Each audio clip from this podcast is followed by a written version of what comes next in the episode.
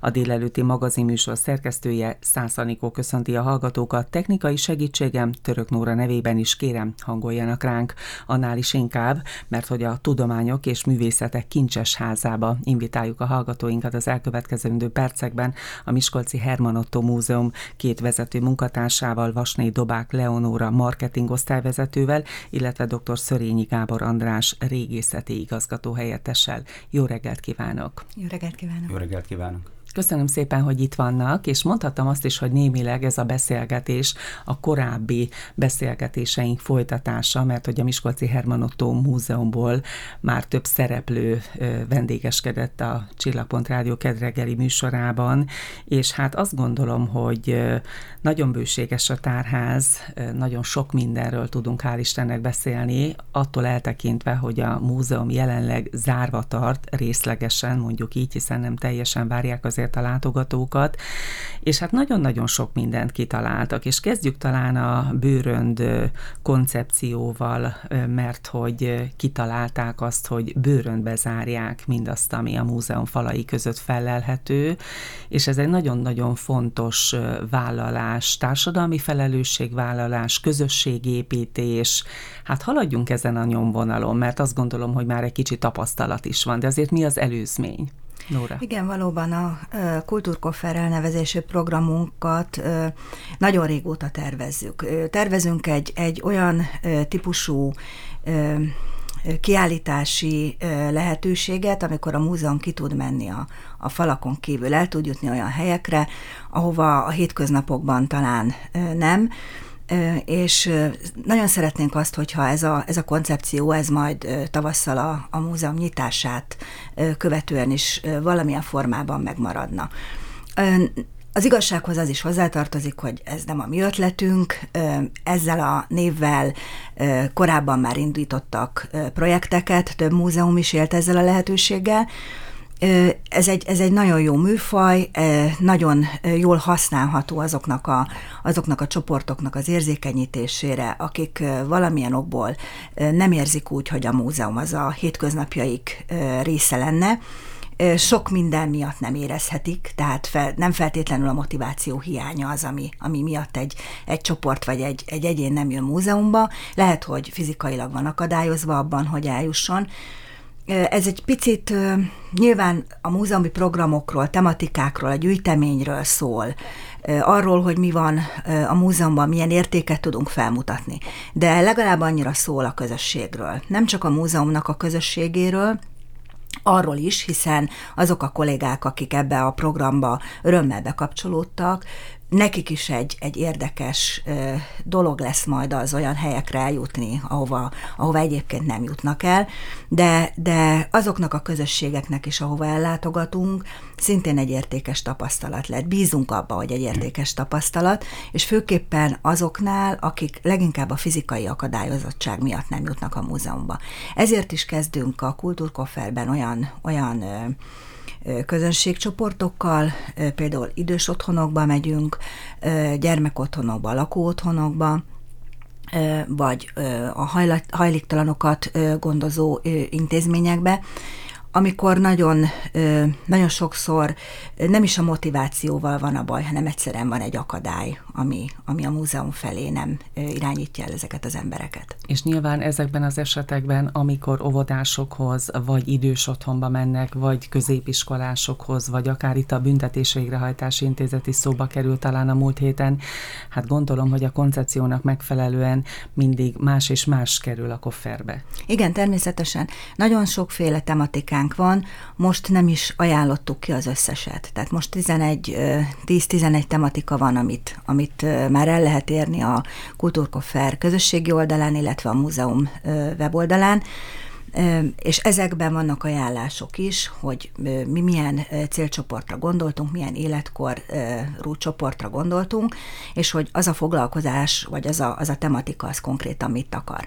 Tehát ez alapján az érintettek kiválaszthatják maguk is azt a tematikát, amit szívesen fogadnak, de mi is ajánlunk, mert ismerjük ezeket a, ezeket a programokat, ezt már a múzeumon belül végigpróbáltuk, megnéztük, hogy, hogy amikor egy-egy foglalkozás címet említünk, akkor az milyen konkrét tartalmat akar. Egyébként ez, egy, ez önmagában egy ilyen prezentáció egy hatalmas élmény, és én azt gondolom, hogy azok a kollégák, akik most, most kimennek majd, hiszen már útjára indult a, a kultúrkoffer különböző intézményekhez, nagy örömmel mennek el, mert amikor múlt héten megnéztük ezeket a, ezeket a programokat, akkor mindenki látszott az, hogy nagyon lelkes, szinte azonnal menne, valaki, valaki több foglalkozást is vállal, és, és ez a lelkesedés szerintem ez, ez ugye a múzeum közösségére is átragad, és remélem, hogy majd azokra is, akikhez elmegyünk, akikhez ellátogatunk. Azért ez egy újszerű dolog önöknek, én azt gondolom, hogy önöknek is ki kell lépni a múzeum komfortzónájából, vagy a saját komfortzónájukból, és jól gondolom, hogy itt a múzeumi munkatársaknak most nagyon-nagyon együtt kell dolgozniuk, hiszen itt a bevezetőben még adás előtt arról beszélgetünk, hogy a múzeum ugyan zárva van, kifelé ugye ezt kommunikáljuk részben, de azért a háttérmunka óriási. Igen, tehát ez mindenféleképpen egy, egy belső csapatépítés is.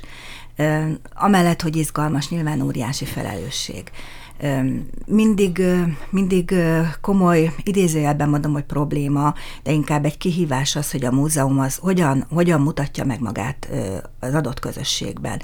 Vegyük most a város közösségét, hiszen nekünk elsődleges célcsoport Miskolc város közössége meg tudjuk-e azt mutatni, hogy, hogy milyen a múzeum közössége, hogy ez nem egy, egy élettelen valami, hanem itt emberek dolgoznak, akik, akik vagy a, a, a frontline személyzet, akikkel találkozik a közönség, vagy, vagy azok, a, azok a munkatársak, akikkel egyáltalán nem találkoznak a, a látogatók, mert az ő munkájuk az nem a, nem a, a a nyílt térben zajlik, nem a, nem a kirakatban, úgymond. Tehát ez nagyon fontos dolog, hogy, hogy hogyan mutatjuk meg magunkat, hogy egyáltalán azok, akiknek a munkája inkább a gyűjteményhez kötődik, valóban kilépnek a komfortzónából, és elmennek, elmennek a közönséghez. És ez azért nagyon fontos, mert amikor majd tavasszal kinyitunk, és visszajönnek azok az emberek, vagy reméljük, hogy jönnek majd olyanok is, akiknél, akiknél télen látogatást tettünk, akkor tulajdonképpen már egy ismerő szituáció lesz. Nem, lesz, nem leszünk idegenek, és nekünk pedig ez egy óriási tapasztalat. Jól gondolom, hogy nagyon sok múlik az igény felmérése, de most ez sem lehetett olyan egyszerű, hiszen nem volt közvetlen kapcsolat a látogatókkal. Igen, az mindig érdekes, hogy, hogy hogyan érje el a múzeum a látogatóit. Mi egy ideje törekszünk arra, hogy a Herman Otto Múzeum az minél inkább közösségi múzeummá váljon.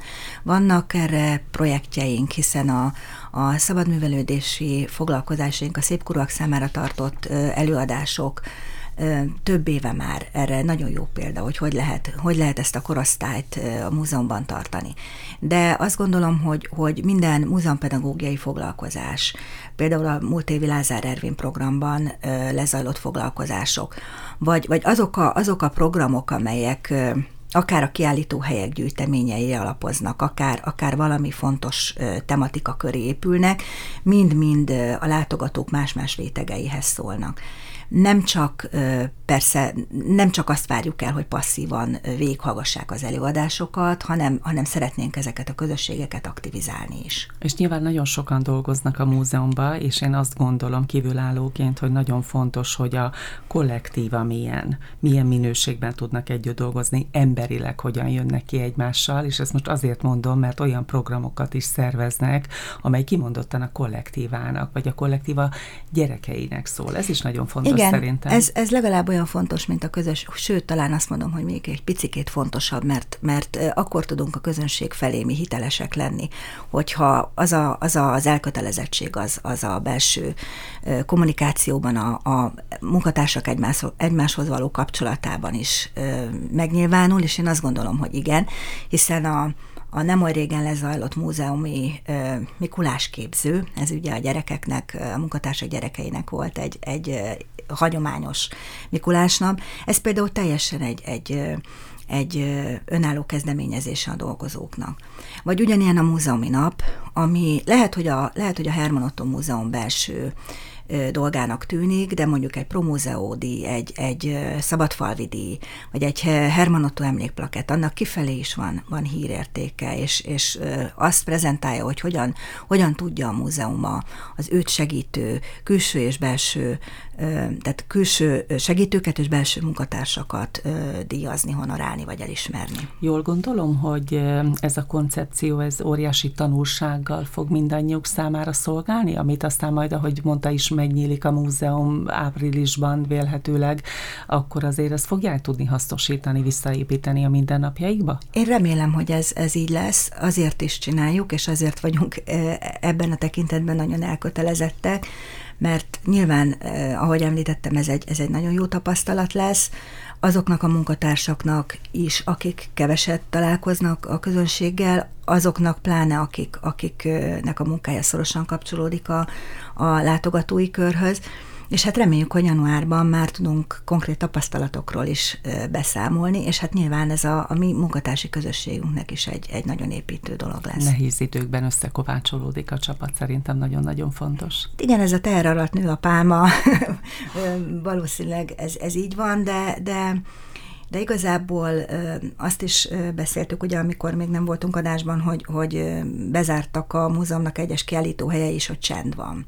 Hát ez, ez csak úgy tűnik, mintha csend lenne, valójában, valójában sokkal élénkebben folynak azok a munkák, amelyek nem annyira látogatókhoz kötöttek, és hát vannak programjaink a, a főépületben, amelyek pedig kifejezetten a látogatókhoz szólnak, hiszen a Miskolci Galéria kiállítóhelyének a programját is ide hoztuk, kortárs képzőművészeti programokkal, sikeres és felfutóban van a hazai pálya, elsősorban Miskolci, vagy Miskolchoz kötődő képzőművészeknek nyújt bemutatkozási lehetőséget, és hát most indul a Kép mögött sorozat, amelyben pedig szintén képzőművészeti előadásokat hallhatnak majd az érdeklődők. Decemberben két programot látok, mondjuk el, hogy Igen, december, is. december 8-án 5 órakor. Hát ez a csütörtöki időpont, ez ugye a Miskolci Galéria szokásrendjéből, a kiállítás megnyitókból adódik.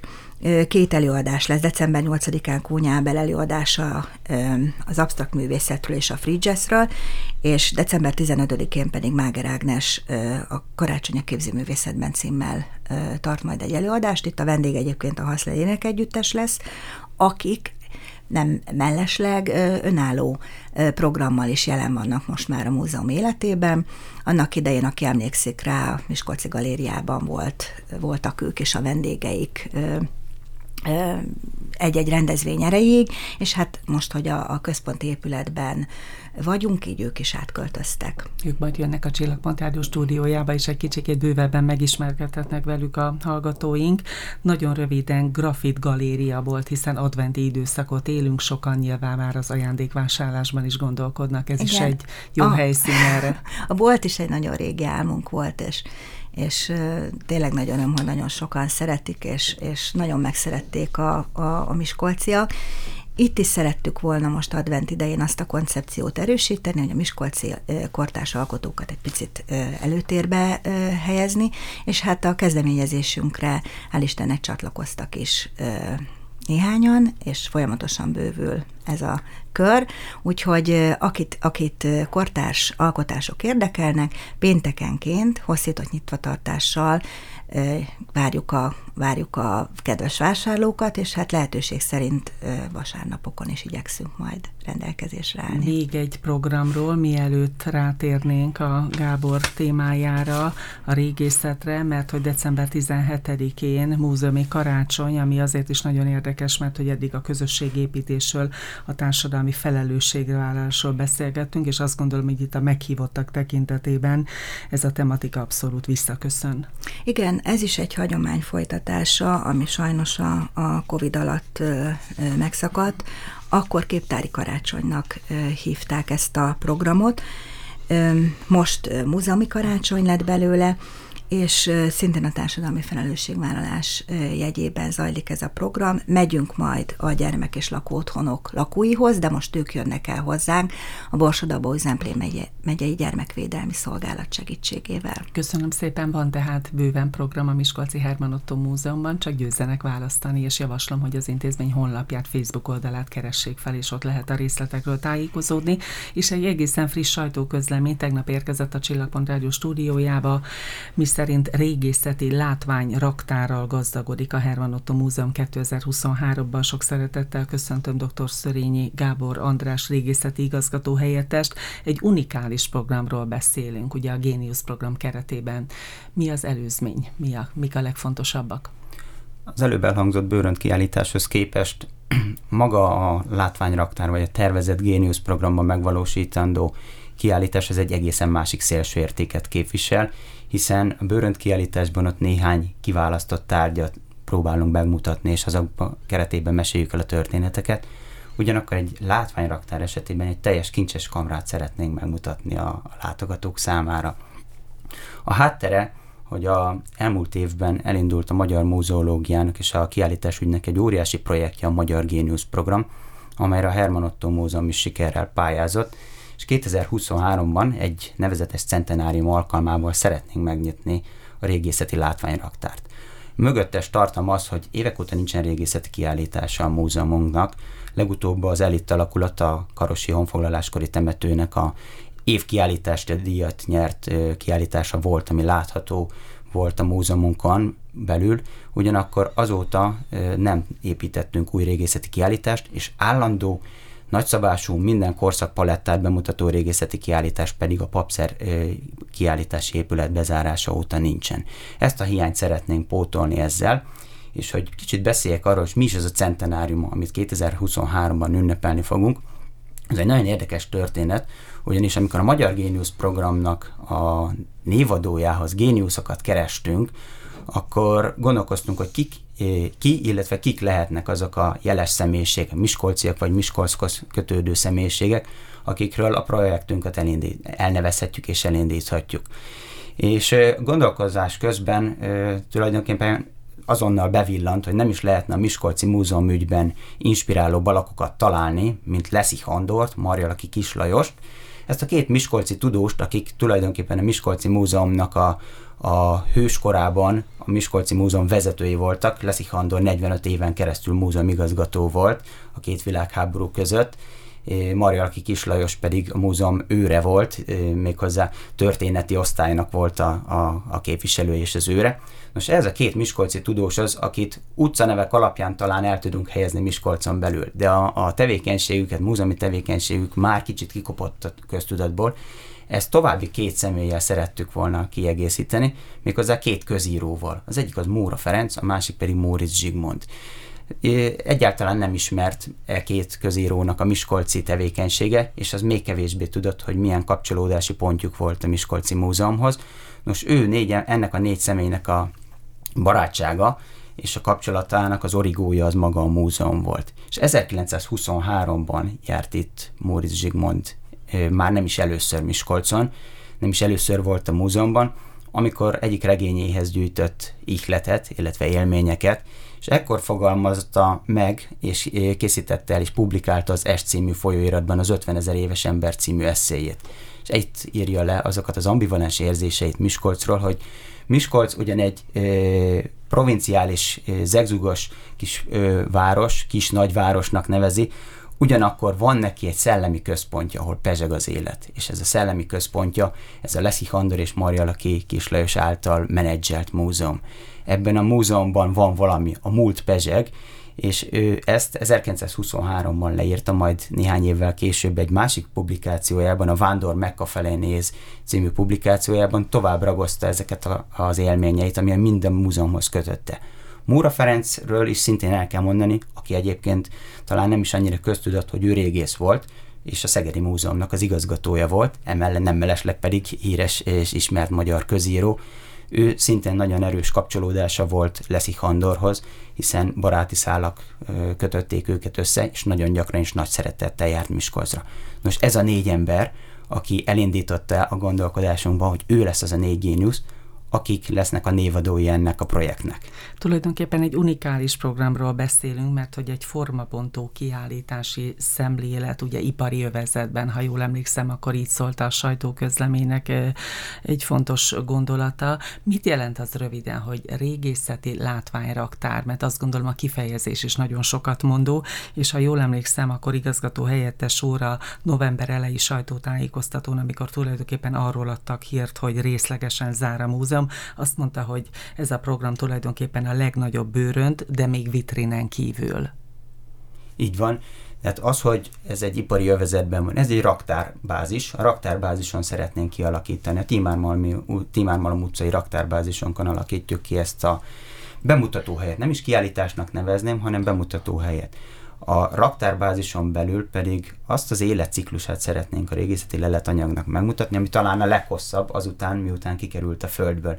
Hiszen mi gyűjtünk az ásatások során, aztán megőrizzük a raktárba, és közreadjuk egy kiállítás alkalmával. Ugyanakkor a leletanyag leghosszabb ideig a raktárban van, és mi ebben a, kör, ebben a környezetben szeretnénk ismertetni. Tehát ez egy óriási bőrön maga a raktár, óriási kincses tár, és ezt az óriási kincses tár nagy tömegben szeretnénk bemutatni azt a leletanyagot, ami, ami reprezentálja a megyének a régészeti gazdagságát. Biztos vagyok benne, hogy fogunk erről beszélgetni, hiszen egy nagyon óriási anyagról van szó, és hát nyilván sok tapasztalatot gyűjtenek majd, de ami nagyon fontos még, hogy december 8-án, tehát a héten a csütörtökön egy sajtónyilvános látványraktár bejárást tartanak Miskolcon a Timármalom utcába, ahova iskolai osztályokat várnak.